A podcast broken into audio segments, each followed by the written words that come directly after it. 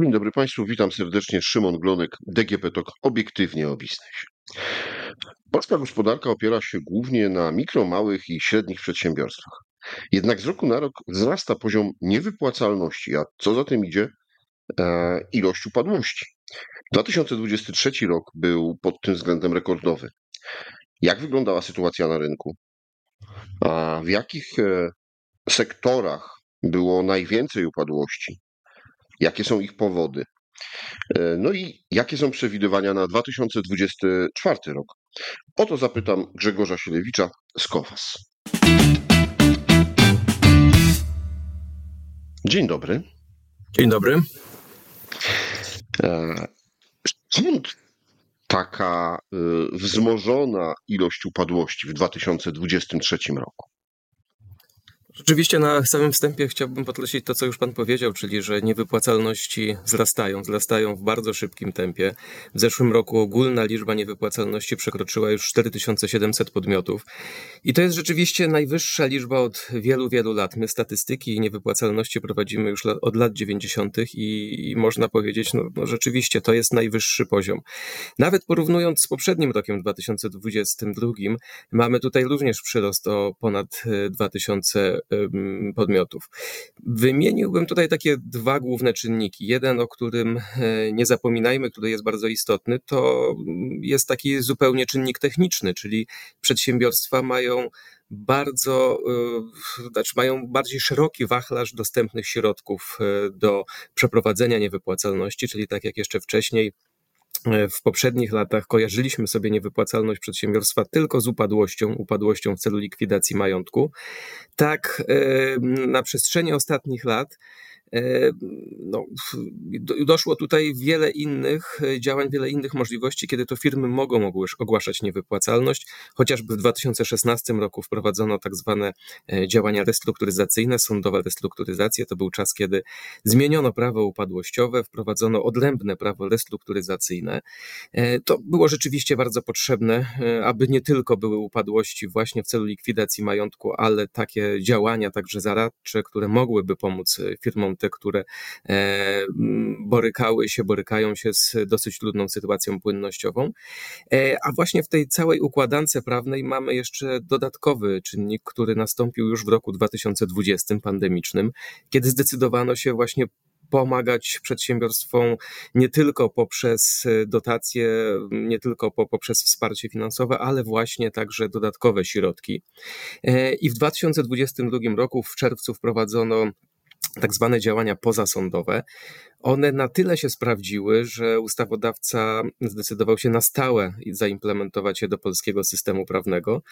E, I właśnie, no i teraz mamy taką sytuację, że te poprzednie dane za poprzednie lata nie są porównywalne do tego, co było w 2023 roku, e, ponieważ, tak jak wspomniałem, jest tutaj bardzo bo, o wiele bardziej bogaty wachlarz tych środków, które są możliwe. Te właśnie wspomniane chociażby przeze mnie postępowania pozasądowe stanowiły w 2023 roku około 60% e, ogólnej liczby postępowań, więc myślę, to już e, daje taki obraz, e, jak to była duża skala. Natomiast odpowiadając już w pełni na Pana pytanie odnośnie powodów, no, pamiętajmy także o tym, że gdyby firmy nie miały konieczności do stosowania właśnie tych przewidzianych prawem rozwiązań i postępowań niewypłacalnościowych, to by po nie nie sięgały. I niestety ten tak, 2020... Nie po to prowadzi się biznes, żeby ogłaszać upadłość, nawet jeśli jest to restrukturyzacja czy, czy różne formy prawne, o których Pan mówił. Dokładnie, to jest, to jest już taki ostatni etap, kiedy firma tak naprawdę no, wcześniej próbuje na wszelkie inne możliwe sposoby e, poradzić sobie z problemami, z trudną sytuacją płynnościową.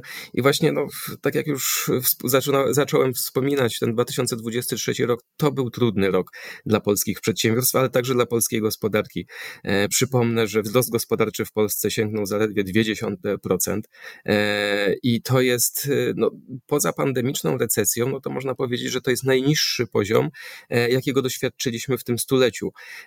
Bardzo niski poziom, bardzo niski także jak na potencjał polskiej gospodarki i myśleliśmy, mm, tutaj mówię ogólnie, ale wiele ośrodków analitycznych, nie tylko my w KOFAS, ale, ale także wiele ośrodków analitycznych, że ten 2022 rok, wtedy kiedy rozpoczęła się pełnoskalowa agresja Rosji na Ukrainę, a wiemy, że Rosja była E, zaopatrywała kraje europejskie w surowce energetyczne, ale nie także w surowce rolne. Tutaj także również wspomnę o Ukrainie, surowce rolne, ale także e, wszelkie komponenty używane przez wiele branż, jak chociażby aluminium, e, czy, czy, czy też inne części wykorzystywane w procesie produkcyjnym. To wszystko w globalnych łańcuchach podażowych miało swoje miejsce. Te, te dwa kraje zajmowały, także myśleliśmy, że ten 2022, dodatkowo Polska, która jest blisko E, Ukrainy, która graniczy z Ukrainą, e, poniesie tutaj dosyć duże konsekwencje, ale okazało się, że ten 2022 rok pod względem wzrostu gospodarczego nie był taki zły, ponieważ e, nasz wzrost gospodarczy przekroczył 5%, ale gospodarka w 2022 z każdym kwartałem słabła coraz bardziej, ta odporność zanikała, ale właśnie dopiero 2023 pokazał nam, że inflacja może przekroczyć 18% i tak było w lutym zeszłego roku. I to właśnie z pewnym opóźnieniem znalazło odzwierciedlenie po stronie popytu, popytu konsumenckiego, ale także sytuacji wśród, przedsiębiorstw. W związku z tym myślę, no nie dziwmy Powiedzmy, się. że w 2022 ten popyt konsumencki był e, spory. To on napędził e, ponownie gospodarkę. E, ja pamiętam, że w wielu sektorach e, pierwszy, drugi kwartał, pomimo że inflacja już dawała się we znaki w 2022, no to, e, to nadal można powiedzieć, że paradoksalnie trochę przez dzięki wojnie, tak, no mieliśmy sporo sporo tych zakupów konsumenckich. Dzięki temu udało się jeszcze e, gospodarkę obronić. Natomiast inflacja w 2023 była już taka, że no chyba konsumenci zaczęli bardzo mocno sprawdzać e, swój e, portfel i swój koszyk, co do niego wkładają, przez co też to spowolnienie gospodarcze. No, niewielki wzrost, no ale ja myślę, że tu jest to dobre właśnie odzwierciedlenie tego, tego co się stało. E, tak jak pan wspomniał, ten 2022 rok, e, konsumpcja jeszcze dosyć odporna. E, pamiętamy takie sformułowanie wszystko drożeje. E, to wydaje mi się, że w 2022 często padało i konsumenci byli zmuszeni do tego się dostosowywać. E, firmy e, też no, dzięki temu zwiększały obroty i wielokrotnie zwiększały zyski. I było tutaj pole też niejednokrotnie do zwiększania skoro było słychać, że wszystko drożeje, drożeją surowce energetyczne, e, drożeją komponenty wykorzystywane w produkcji, no właśnie, wszystko drożeje. Natomiast ten 2023 był już rokiem innym, już konsument był zmęczony wysoką inflacją, stał się bardziej wybredny, bardziej selektywny. E, nawet jeżeli już przyzwyczaił się do wyższych cen, wiedział, że nie nastąpi proces deflacji, a oczekiwał procesu bardziej dezinflacji, czyli już nie tak szybkiego przyspieszenia cen, co rzeczywiście nastąpiło w późniejszych miesiącach 2023 e, i będzie też kontynuowane w kolejnych miesiącach, e, to jednak bardziej selektywnie podchodził do zakupów e, i firmy, firmom tutaj na takim rynku nie działało się łatwo, zwłaszcza, że jednak konkurencja jest dosyć duża i patrząc ogólnie na sektor przedsiębiorstw, na co, na co dzieje się w firmach, nadal mamy tą samą zasadę, czyli im większa firma, tym w zasadzie może odwrotnie, im mniejsza firma, tym trudniej jest działać na rynku, tym trudniej jest mieć pozycję negocjacyjną e, ze swoimi dostawcami e, i też to właśnie przełożenie na aktywność e, biznesową firmy jest trudniejsze. Czyli pierwszym i takim głównym czynnikiem no to jest dlaczego firmom było gorzej, dlaczego aż tyle upadłości i tyle niewypłacalności, mm, no to y, mocne spowolnienie gospodarcze, czyli i wyhamowanie e, popytu konsumenckiego, no ale też y, wyhamowanie sprzedaży e, za granicę, tak, czyli eksportu. Tak, dokładnie. To jest też bardzo ważny czynnik, czynnik, który pozostaje bardzo aktualny, e, ponieważ no, widzimy, co się dzieje na rynkach zagranicznych. Oczywiście możemy mówić chociażby o pozytywnych zaskoczeniach z, gospodarki Stanów Zjednoczonych, e, która już e, oczekiwano, że będzie wpadała w recesję, będzie kiepsko, a te publikowane dane okazują się całkiem przyzwoite. Natomiast Stany Zjednoczone No tak, to ale nie nasz jest eksport jest y, do Stanów niewielki, można powiedzieć. Raczej Dokładnie. kraje Europy, a głównym partnerem handlowym są Niemcy. I Niemcy niestety pozostają e, w środowisku recesyjnym. W 2023 odnotowały recesję e, jako całość w 2023 roku i kiedy mieliśmy nadzieję, że najgorsze już jest za gospodarką niemiecką, no wciąż ja bym podtrzymał ten scenariusz, że najgorsze jest e, właśnie za naszymi zachodnimi sąsiadami, jeżeli chodzi o ujęcie gospodarcze. Natomiast no niestety wskaźniki, które są publikowane nie napawają nas optymizmem. To nadal jest ujemna dynamika, nawet jeśli dołek został został osiągnięty, to poprawa będzie prawdopodobnie dopiero odczuwana w drugiej połowie 2024 roku. E, I tutaj nadal wiele zależy od tego, co będzie działo się w Niemczech. W Europie Zachodniej, ale głównie e, w gospodarce niemieckiej, ponieważ Niemcy to są e, niemalże jedna trzecia naszego eksportu. Wiele połączeń, jeżeli chodzi o branżę motoryzacyjną, wiele połączeń, jeżeli chodzi o wiele innych sektorów.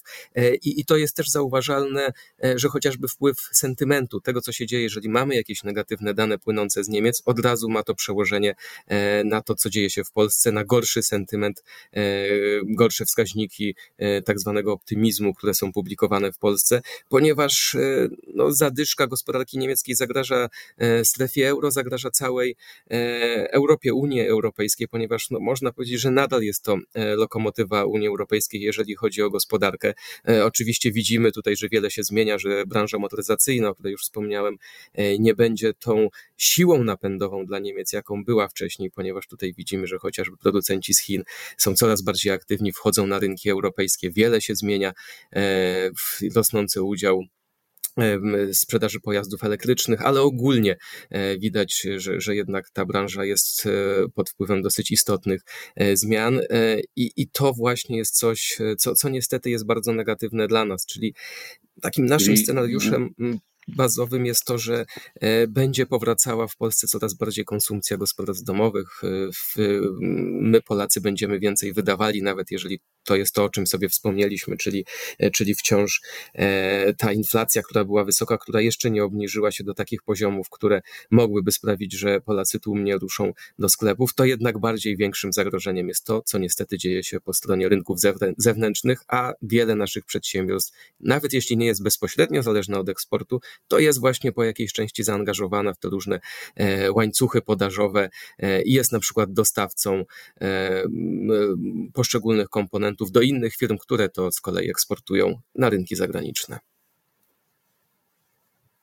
Gdybyśmy mieli przyjrzeć się sektorom, które ucierpiały najbardziej, w których te upadłości, niewypłacalności są najpowszechniejsze, no to tutaj dużo Pan mówił o motoryzacji. Czy to jest ten sektor, który rzeczywiście w Polsce przez na przykład właśnie problemy niemieckie cierpi? E, tak, widzimy, że, że to jest sektor, który wcześniej, może nie tyle w kontekście samych niewypłacalności, co chociażby w kontekście opóźnień w płatnościach, ponieważ my także prowadzimy badania nie tylko odnośnie statystyk niewypłacalności przedsiębiorstw w Polsce, ale także e, odnośnie tego, jak firmy e, płacą, jak regulują swoje zobowiązania. Po prostu przepytujemy firmy, prowadzimy badania ankietowe, aby dowiedzieć się, co tu się zmienia. I ta branża motoryzacyjna była zazwyczaj taką, no może nie tyle bezpieczną branżą, ale tą branżą, która generowała niższe opóźnienia w płatnościach niż, niż średnia dla wszystkich innych. W naszym ostatnim badaniu płatności zrealizowanym e, za poprzedni rok widzimy, że niestety Opóźnienia płatności w, właśnie w branży motoryzacyjnej są e, już wyższe niż średnia. One sięgnęły około 55 e, dni. E, same opóźnienia już po, po terminie wymagalności wymienionym na fakturze, podczas gdy średnia jest 52 dni dla wszystkich branż. Może to nie jest aż tak duża różnica, ale jednak zmiana w porównaniu z poprzednimi badaniami. Co więcej, widzimy także, że branże energochłonne, te, które musiały się mierzyć z wyższymi kosztami energii i nawet porównując do tych poziomów przedpandemicznych, koszty energii są nadal na, e, dla, dla wielu firm, e, po prostu firmy muszą płacić za energię, za, e, za swoją działalność operacyjną więcej niż, niż poprzednio. To są właśnie te branże, które ucierpiały. I wracając do samych danych odnośnie niewypłacalności, widzimy tutaj rzeczywiście to odzwierciedlenie sytuacji eksportowej, czyli branża chociażby metalurgiczna, branża przemysłu drzewnego, y, nie tylko meble, ale ogólnie y, przemysł drzewny, czy też produkcja maszyn. Te, te branże, które są, mają bardzo dużą ekspozycję na rynki zagraniczne, rynki eksportowe, one generują wyższą dynamikę wzrostu niewypłacalności niż średnia, niż wiele innych branż.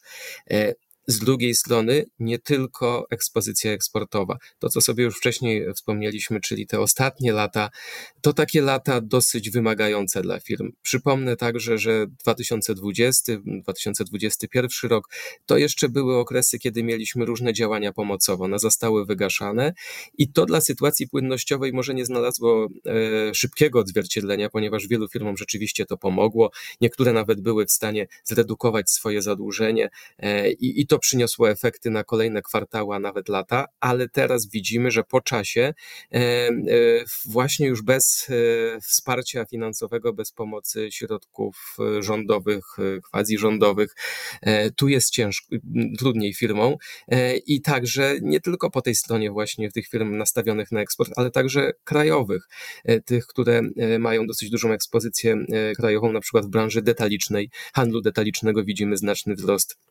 niewypłacalności, zwłaszcza wśród e, niedużych podmiotów. To, co sobie powiedzieliśmy, e, konsumenci jednak są nadal bardzo selektywni, bardzo e, selektywnie podchodzą do swoich zakupów. Często kupują zamienniki, tańsze zamienniki wcześniej kupowanych produktów. E, I dlatego właśnie w Polsce, jak na razie, mimo że to jest ten nasz scenariusz bazowy, że konsumpcja gospodarstw domowych e, powróci jako siła napędowa, to jednak widzimy, że sprzedaż detaliczna jeszcze w tych ostatnich miesiącach ona wcale nie jest w takim jednoznacznym trendzie wzrostowym. Te minusy już nie są takie głębokie, jak były wcześniej, ale nadal Polacy nie robią zakupów na taką skalę, która mogłaby znacznie dźwignąć rozwinąć naszą gospodarkę, a także przełożyć się e, na to, co by się działo z niewypłacalnościami, czyli ich, ich znacznej redukcji, ich znacznego obniżenia. Jest tak, że polski handel, polskie e, punkty sprzedaży detalicznej e, przegrywają z gigantami, czyli z tymi firmami, które na rynku mają po e, kilkadziesiąt czy kilkaset punktów. No i oczywiście, co za tym idzie, inne możliwości e, negocjacji z dostawcami, e, inne terminy płatności, no inny wolumen biznesu. No niestety wydaje mi się, że, że trzeba potwierdzić Pana tezę, bo to jest rzeczywiście coś, co następuje od y, już wielu lat y, i następować będzie. E, wiemy, że mamy te duże podmioty na rynku, które e, z jednej strony e, eliminują mniejszych graczy. Oczywiście wciąż mamy wiele osiedlowych sklepów, które się utrzymuje, ale to jest tak, że one rzeczywiście muszą się utrzymywać, muszą tutaj czymś się wyróżniać na tle. Widzimy, że też wiele tych mniejszych podmiotów handlu detalicznego to często są firmy rodzinne, e, które czasami już przy zmianie pokolenia, e, te, te młodsze pokolenia nie są skłonne, aby kontynuować działalność, mają inne pomysły, e, często pracują na etatach, nie chcą kontynuować tego, co, co rodzice robili i po prostu te sklepy są zamykane. I wydaje mi się, że ten trend będzie następował. Mamy tutaj też chociażby nawet pomiędzy tymi dużymi sieciami handlowymi, jeśli nie wojnę, to w pewnym sensie walkę, taką dosyć e, e, dużą działalność konkurencyjną, która zupełnie e, nie jest czymś, czy, z czym mogłyby konkurować nawet mniejsze sieci, a, a też indywidualne podmioty, no ponieważ, tak jak Pan wspomniał, ich pozycja negocjacyjna jest znacznie inna i to też jest wniosek, który płynie z naszego badania płatności. Jeśli pytamy firmy, co oczekują, jakie będą terminy płatności, jakie będą opóźnienia płatności w zależności od wielkości ich kontrahentów, no to widać, że tutaj, jeżeli są to duże firmy, jest to stabilizacja, a nawet zmniejszenie opóźnień płatności, natomiast przy tych mniejszych widać, że ich sytuacja jest gorsza i tutaj oczekiwania są takie, że wśród takich kontrahentów niestety będą narastały opóźnienia w płatnościach. O, jeszcze na koniec pytanie o prognozy na 2024. Czy, nie, czy to będzie rok, kiedy zauważymy, no dzięki właśnie mm, chociażby tej konsumpcji, o której mówiliśmy, poprawę e, i firmy będą się, y, mniej firm będzie korzystało z tych y, różnych e, możliwości restrukturyzacji czy ogłoszenia upadłości. No, czy polski biznes y, będzie się jednak rozwijał, a nie zwijał? Makroekonomicznie będzie tu na pewno poprawa, e, ponieważ już z tych mizernych poziomów, jakie były w 2023 roku, e, wreszcie wzrośniemy. Nasz, e, nasza prognoza zakłada, że wzrost gospodarczy sięgnie 2,8%, czyli po tym 0,2 w 2023 to znaczne przyspieszenie. Z drugiej strony nadal poniżej potencjału polskiej gospodarki. Potencjał polskiej gospodarki oceniany jest na około 4%, więc, więc makroekonomicznie będzie lepiej, ale wcale nie aż tak dobrze.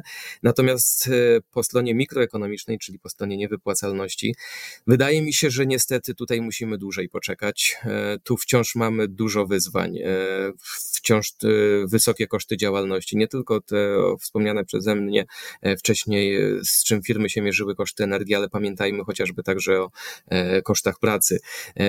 Mieliśmy tutaj kolejny wzrost minimalnego wynagrodzenia, który również jest tutaj presja na średni wzrost wynagrodzeń.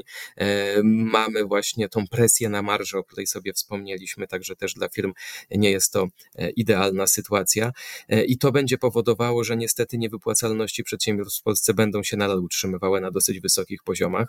Co więcej, spodziewałbym się, że ich struktura będzie się zmieniała. Tak jak sobie wspomnieliśmy na początku, w, w tych aspektach technicznych mamy różne działalności, mamy różne postępowania, restrukturyzacje sądowe, restrukturyzacje pozasądowe i upadłości. I właśnie tak jak najwięcej w 2023 roku mieliśmy restrukturyzacji pozasądowych, tak wydaje mi się, że teraz będą rosły restrukturyzacje sądowe, czyli to będzie taka kolejna ścieżka już po restrukturyzacjach pozasądowych, kiedy firmy e, będą wchodziły e, właśnie, będą, będą kontynuowały je tą drogą, ale także e, niestety moim zdaniem będzie rosła liczba upadłości, ponieważ wiele firm przekona się o tym, że restrukturyzacje pozasądowe im nie pomogły, e, że czasami w wielu przypadkach i niestety tak to jest, że to jest kupowanie czasu, kiedy wiadomo, że e, firma wie, że no niestety nie dźwignie sytuacji, tej trudnej sytuacji płynnościowej, ale odwleka program, problem w czasie. E, w związku z tym ta struktura no niestety będzie bardziej niekorzystna, kiedy więcej firm no po prostu będzie znikało z rynku. Dziękuję panu bardzo za rozmowę i przybliżenie nam tego, jak wygląda od strony makro, ale też mikroekonomicznej sytuacja firm w Polsce. Moim Państwa gościem w podcaście DGP Talk Obiektywnie o Biznesie był Grzegorz Sielewicz, główny ekonomista KOFAS w Polsce. Dziękuję bardzo. Rozmawiał Szymon Glonek. Do usłyszenia.